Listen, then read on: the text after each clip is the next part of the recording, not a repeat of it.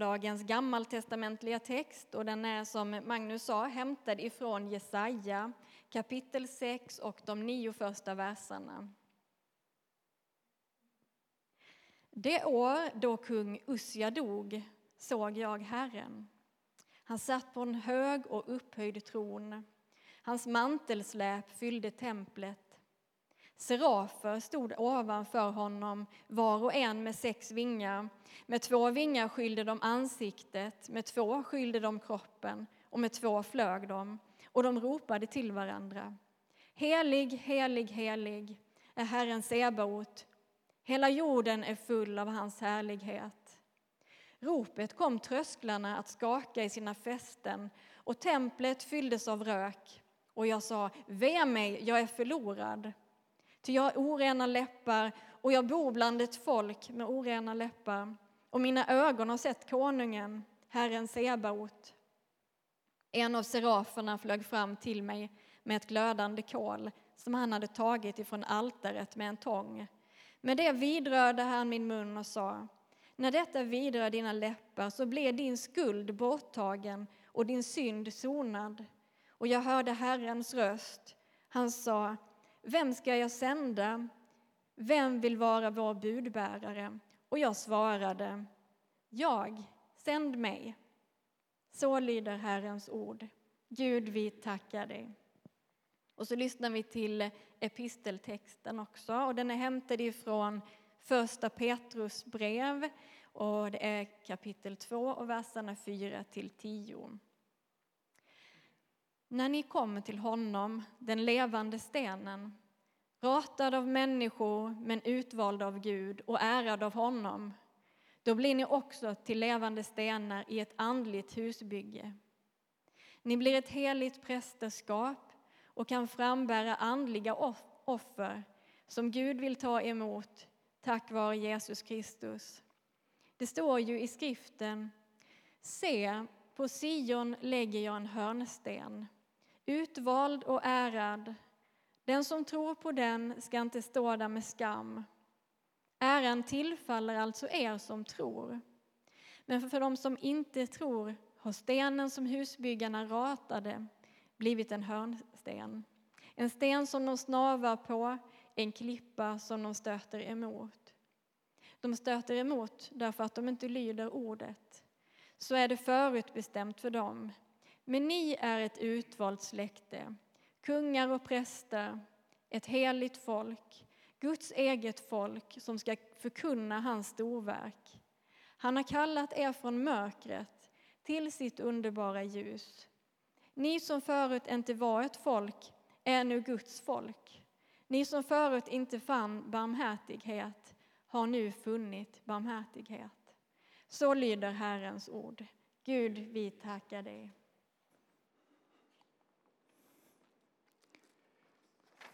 Upplyft era hjärtan till Gud och hör dagens heliga evangelium enligt evangelisten Matteus. När Jesus kom till området kring Caesarea Filippi frågade han sina lärjungar Vem säger människan att Människosonen är? De svarade Somliga säger Johannes döparen men andra säger Elia och andra Jeremia eller någon profet. Och ni, frågar han, vem säger ni att jag är? Simon Petrus svarade, du är Messias, den levande Gudens son. Då sa Jesus till honom, salig är du Simon Bardiona. Ty ingen av kött och blod har uppenbarat detta för dig, utan min fader i himlen. Och jag säger dig att du är Petrus, klippan, och på den klippan ska jag bygga min kyrka och dödsrikets portar ska aldrig få makt över den. Jag ska ge dig nycklarna till himmelriket. Allt du binder på jorden ska vara bundet i himlen och allt du löser på jorden ska vara löst i himlen. Sen förbjöd han lärjungarna att tala om för någon att han var Messias. Så lyder det heliga evangeliet.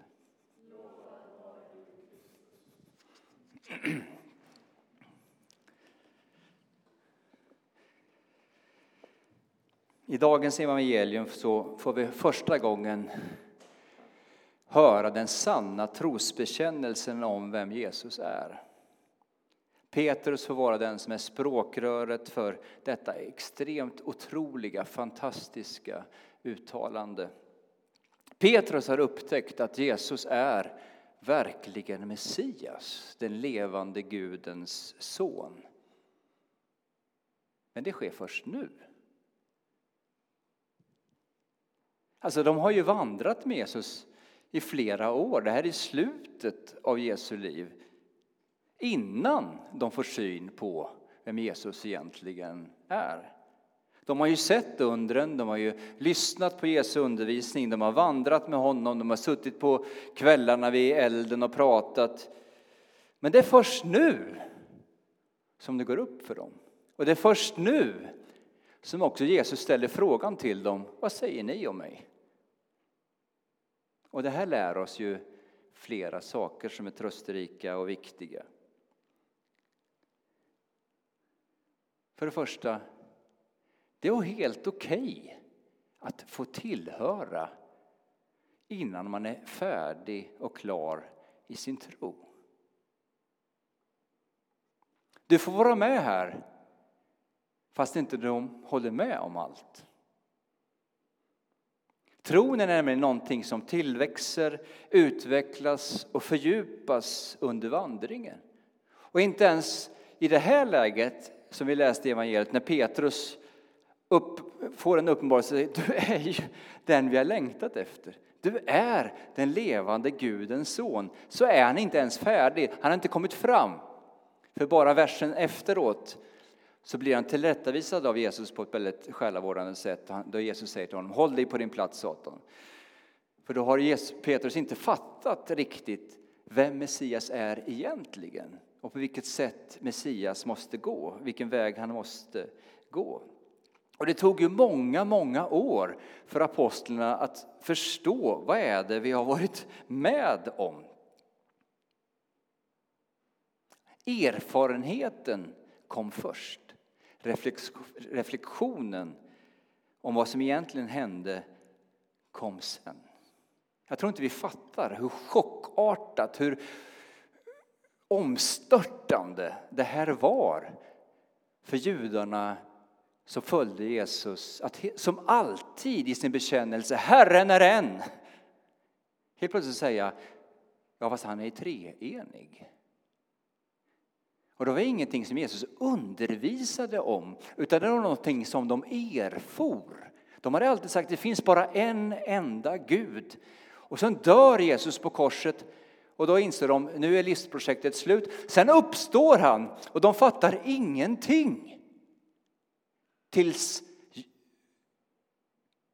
Thomas, tvivlaren, faller ner och säger Herre min Gud. Och sen kommer anden på pingstdagen och då förstår de inte heller vad är vi med om.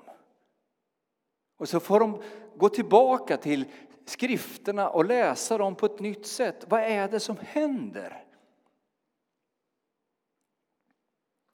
Så det tar tid ibland för poletten att ramla ner, eller hur?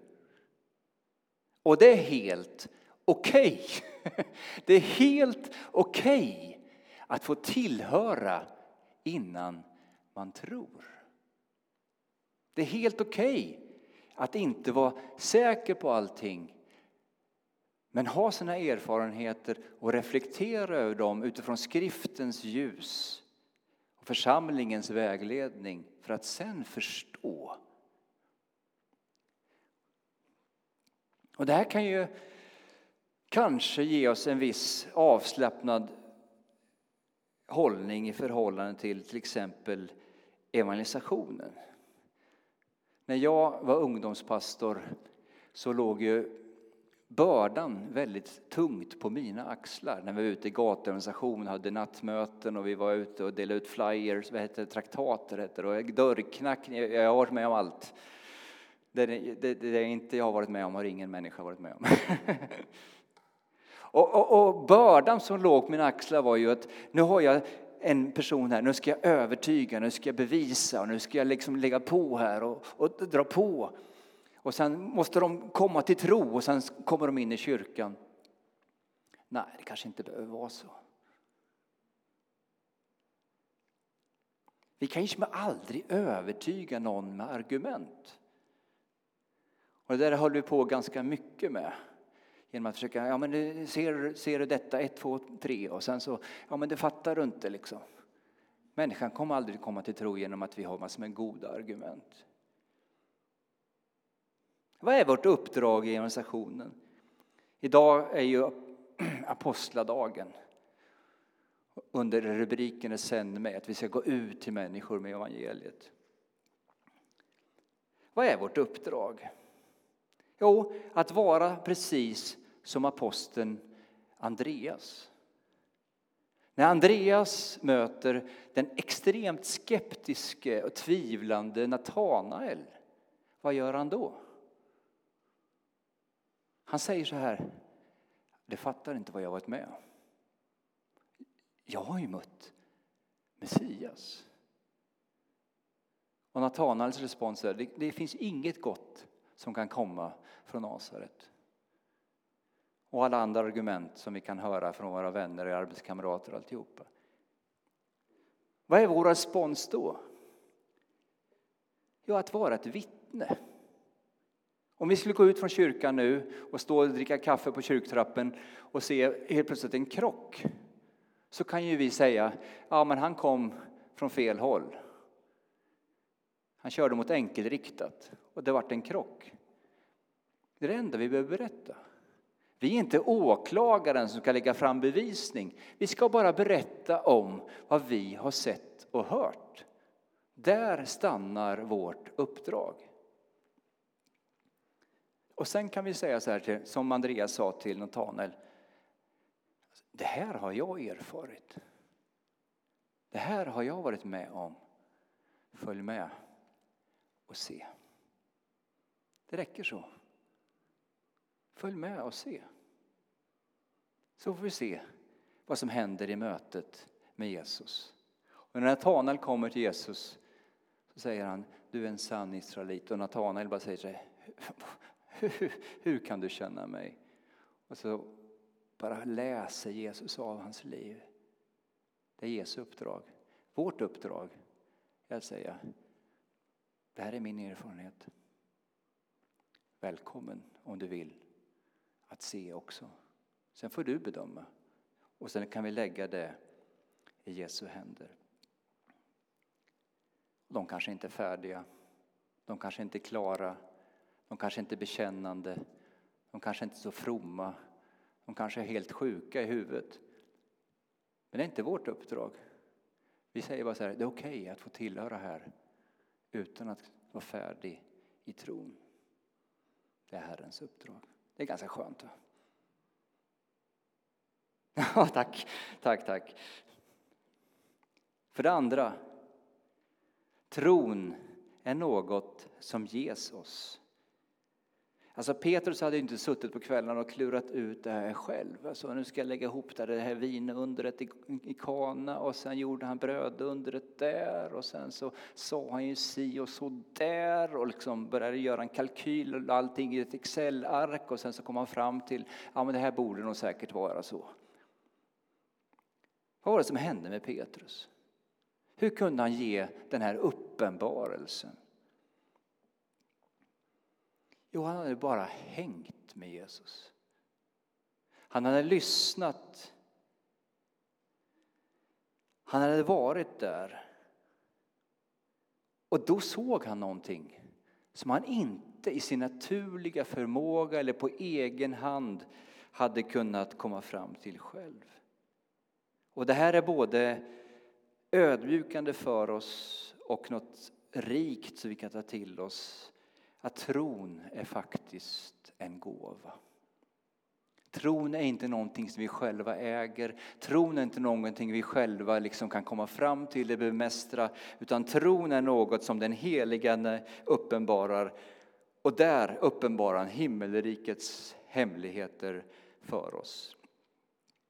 På vilket sätt är det främsta sättet som den helige Ande uppenbarar himmelrikets hemligheter för oss? På vilket sätt är det, det vilken är den kungsvägen där tron föds i våra liv? Jo, genom evangeliets förkunnelse. Luther sa så här, att när evangeliet förkunnas rent och klart När evangeliet presenteras så här, då stiger Kristus själv ut ur bokstäverna och kommer oss till mötes.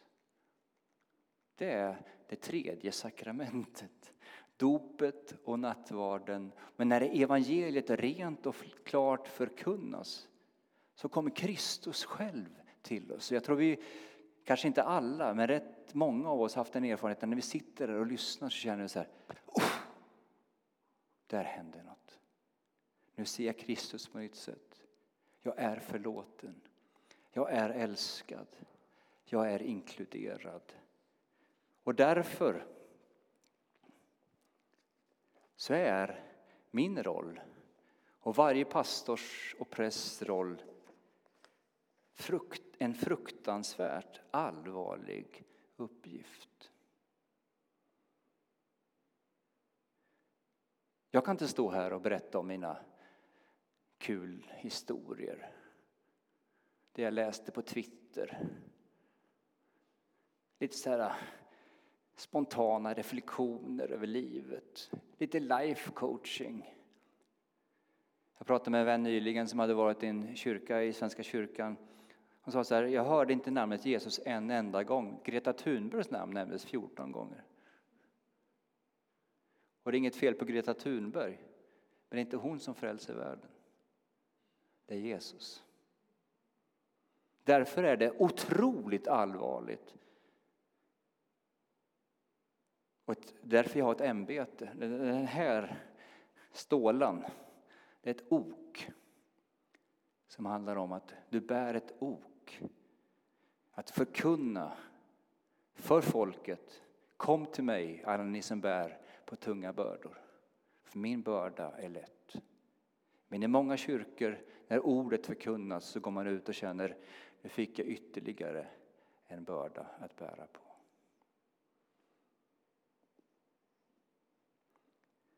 Så vi måste förkunna evangeliet. Och när vi gör det så kommer Kristus till oss. Och gåvan, trons gåva, Jesus genom den helige Ande. Så det första vi lär oss av den här texten från evangeliet är att det är okej okay att tillhöra, det är okej okay att tillväxa, det är okej okay att inte hålla med om allt. Och i umgänget med församlingen, med evangeliet, med sakramenten så kommer vår tro att tillväxa. Och då upptäcker vi att tron är en gåva som ges oss. Och för det tredje, tron får liv och kraft genom kyrkan. Hur mycket undervisar Jesus om kyrkan i, i sin undervisning? Tre gånger. I Matteus 16 och två gånger i Matteus 18. då får man lyssna noga. Det här är första gången som Jesus talar om kyrkan. Och Peter står där och lyssnar.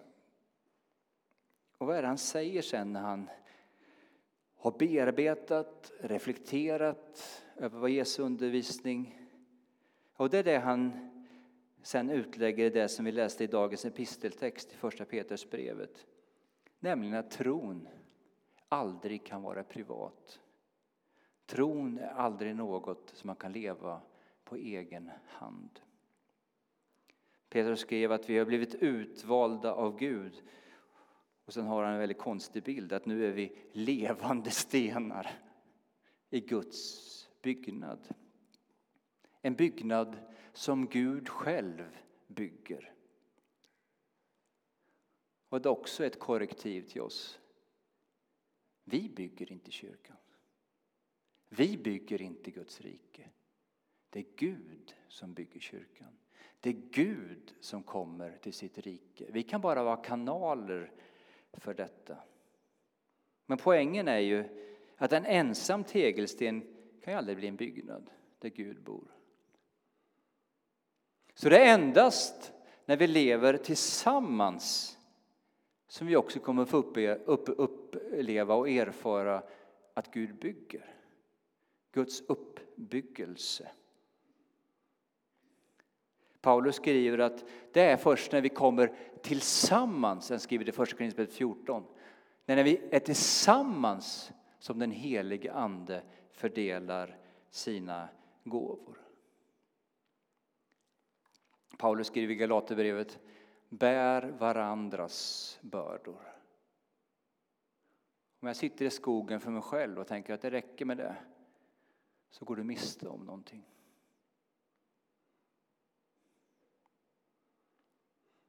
Jag fick en bild här när jag satt precis innan gudstjänsten.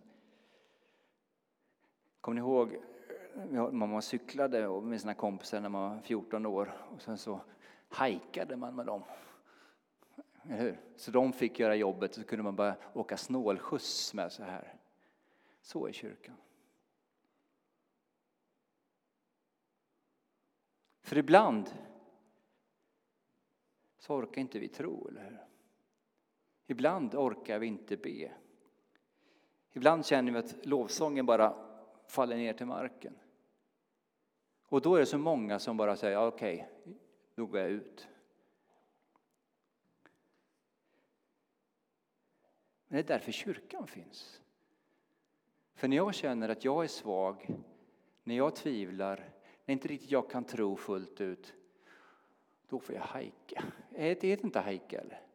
Hanka heter det. Hajka är ju någonting annat. Hanka. Då får jag bara ta tag i min broders och systers arm och så får jag släppa pedalerna och så dras jag framåt av församlingens böner, församlingens lovsång, församlingens tro. Och i nästa läge så får jag bära deras bördor. Det är därför det är så extremt farligt att dra sig undan gemenskapen. Man kanske tycker sig vara stark, kanske tycker jag har en god relation med Gud. Men då blir du en ensam sten. Och det blir ingenting av det. Till sist, en punkt som är helt revolutionerande. Jag tror ni aldrig har hört talas om den innan. Tron handlar om Jesus. Kan ni skriva ner till Andreas. Det här kan ni skicka ut på Twitter nu.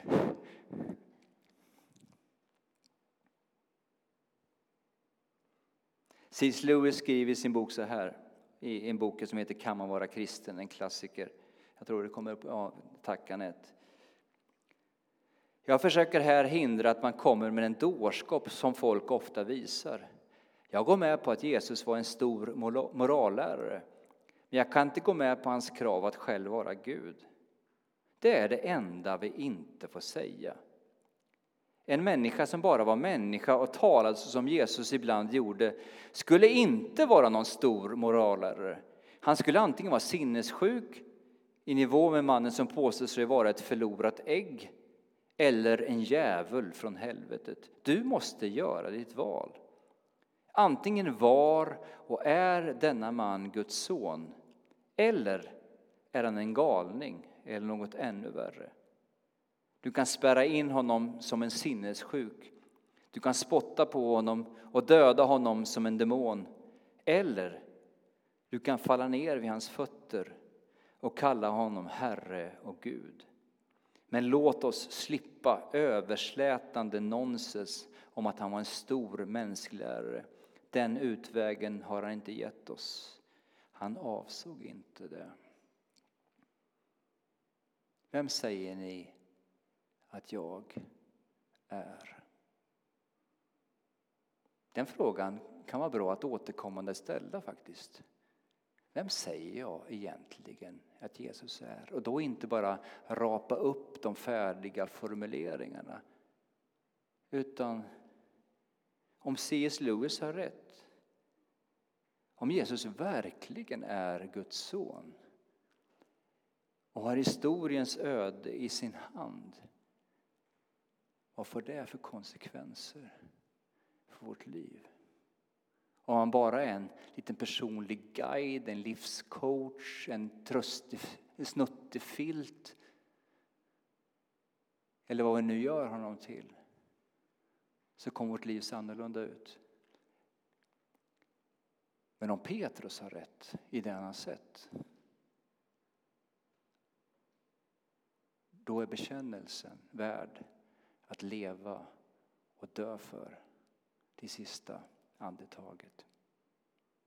Ära vare Fadern och Sonen och den helige Ande, nu och alltid och i evigheters evighet. Amen. Halleluja.